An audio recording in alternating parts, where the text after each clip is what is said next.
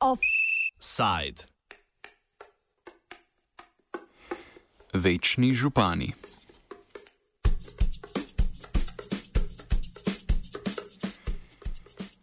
Prvem krogu lokalnih volitev so voljivci v 156 občinah že izvolili župana, medtem ko bo v 56 občinah potreben drugi krog. V današnjem offsajdu se bomo osredotočili na podatek, ki govori o tem, da so slovenski občani z delom sedanjih županov v povprečju očitno zadovoljni. Ponoven mandat so voljivci namreč že zaupali 134 županom, še 32 pa jih bo zato imelo možnost v drugem krogu volitev. Ob tem je zanimiv tudi pojav županov, ki so na svojem položaju že od ustanovitve občin dalje. 11 je namreč bilo takih, ki županski stol zasedajo že od leta 1994 oziroma od prvih lokalnih volitev v samostojni Sloveniji. Vseh 11 je kandidiralo tudi tokrat, po neuradnih rezultatih pa novega mandata ni uspelo dobiti Antonu Tornarju, dosedanjemu županu občine Črenšovci, ter Ivanu Princesu iz občine Vipava. Ostalih devet je zmago že doseglo, najbolj prepričljivo župan občine Zagorje ob Savi Matjaš Vagan z 78 odstotki vseh glasov.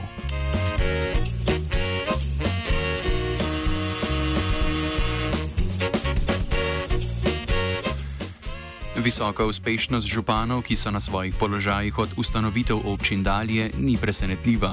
Kot nam je povedal Miro Haček z Fakultete za družbene vede, takšni župani pogosto zmagajo že v prvem krogu z veliko prednostjo. Razlogi za njihove izvolitve pa vidi predvsem v zadovoljstvu občanov. Občine, v katerih ti župani delujejo, naj bi delovale dobro, občani so zadovoljni z javnimi storitvami.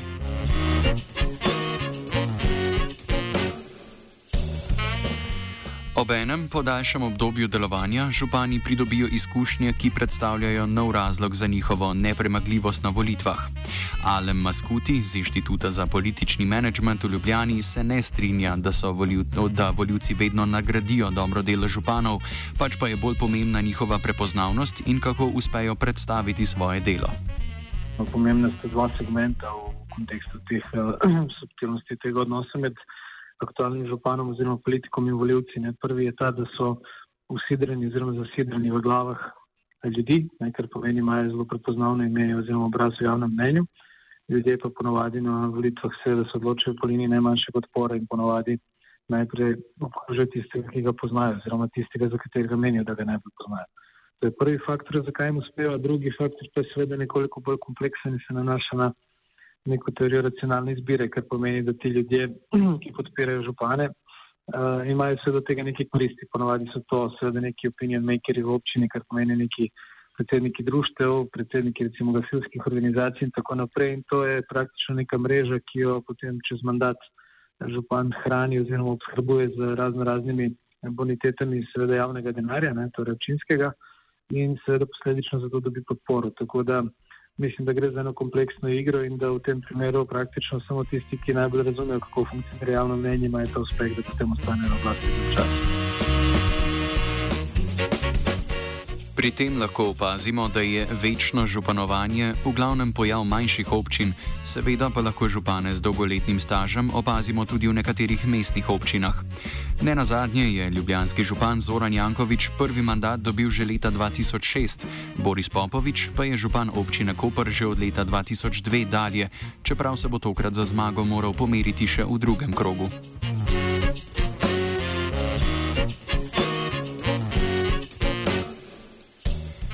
Med županskimi kandidati v štajerskih občinah, ki so na svojem položaju ustrajali najdlje časa, je bil med drugim župan občine Benedikt Milan Gunzar, ki je na položaj prišel ob ustanovitvi občine leta 1998, tokrat pa se za kandidaturo ni odločil. Pojasnil nam je zakaj.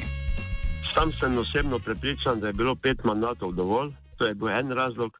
Največji razlog je pa to, da sem dopolnil 65 let starosti in sem trdno prepričan, da je pred treh letih potrebno stopiti na stran, da je potrebno pustiti mladim novim očem, se pravi na novo izobraženimi, z novimi idejami in tako rekoč pride tudi kraj do novega kvalitetnega življenja. Človek seveda eh, lahko mirne duše reče, da se tudi pri 65 letih se sposoben voditi občino, to ni doben problem, ampak seveda potrebno razmišljati o tem, da si na nek način, če si intenzivno delo 40 let, si se v teh 40 letih malo tudi utrudil in sled tega sem prišel do spoznanja, da ne bolj še da prepustim vodenje občine mlajšim ljudem, ki bodo seveda začeli razvijati, bom rekel, mogoče enake projekte kot jaz ali pa seveda prinesli v kraj nove ideje.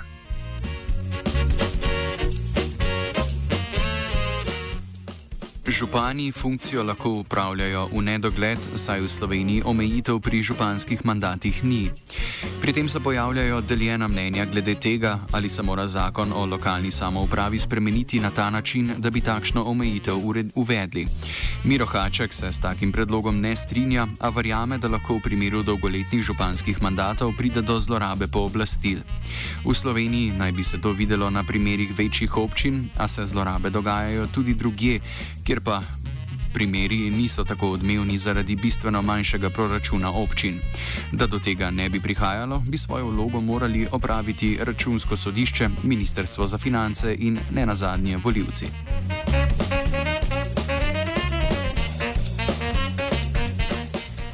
Mnenja, da omejitev mandatov ni potrebna, je tudi Gumzar. Jaz sem sam trdno prepričan, da omejiti na področju lokalne samoprave mandate je pravzaprav brez veze. Ljudje tako in tako na volitvah znajo izbrati tistega, ki je dober in pravzaprav tudi slediti njemu, njegovim, bom rekel, na nek način resničnivim ciljem. Če te cilji niso resničnivi, je tako in tako po štirih letih se ta mandat konča in te voljivke in voljivci ne izvolijo. Tako tudi, če bi omejili mandat na, oziroma možno samo na dva ali tri mandate, bi lahko bila zgodba ista. Tisti, ki so dobri, so dobri, tisti, ki pravzaprav pa so slabi, pa lahko tudi v štirih ali osmih letih naredijo več škode kot nekdo, ki dobro dela v 20 ali pa 25 letih.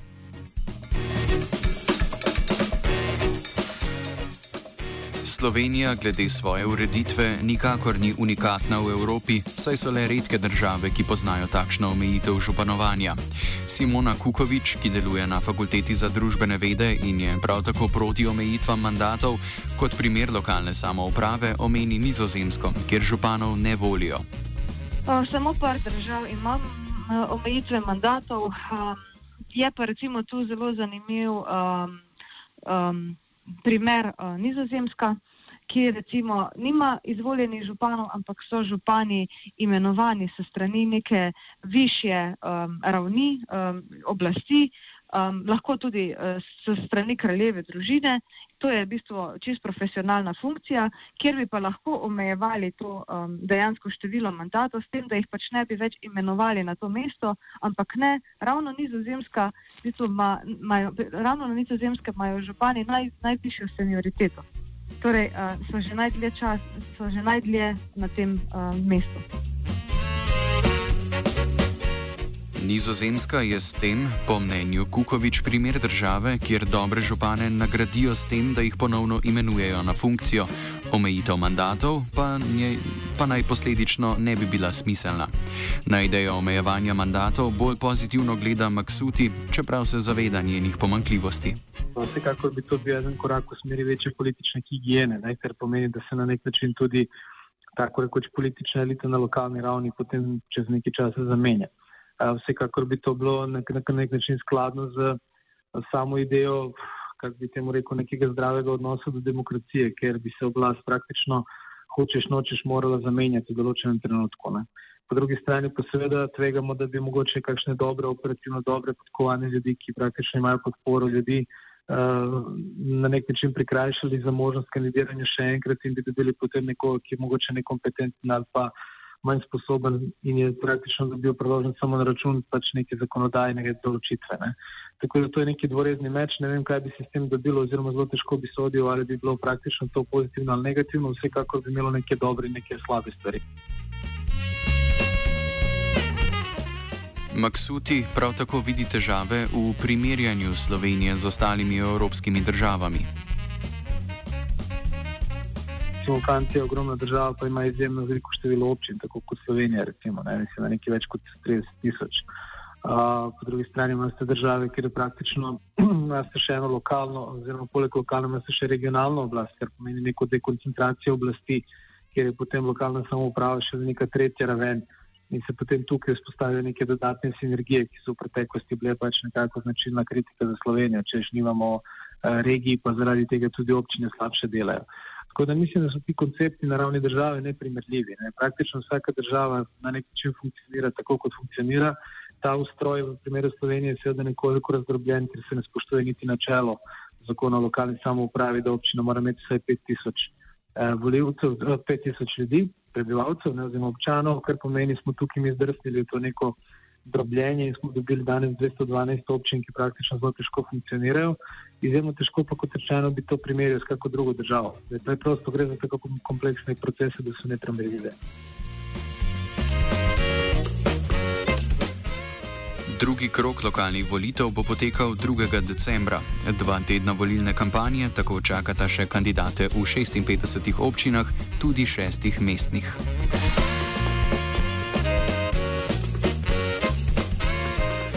Današnji offside je pripravil Jure.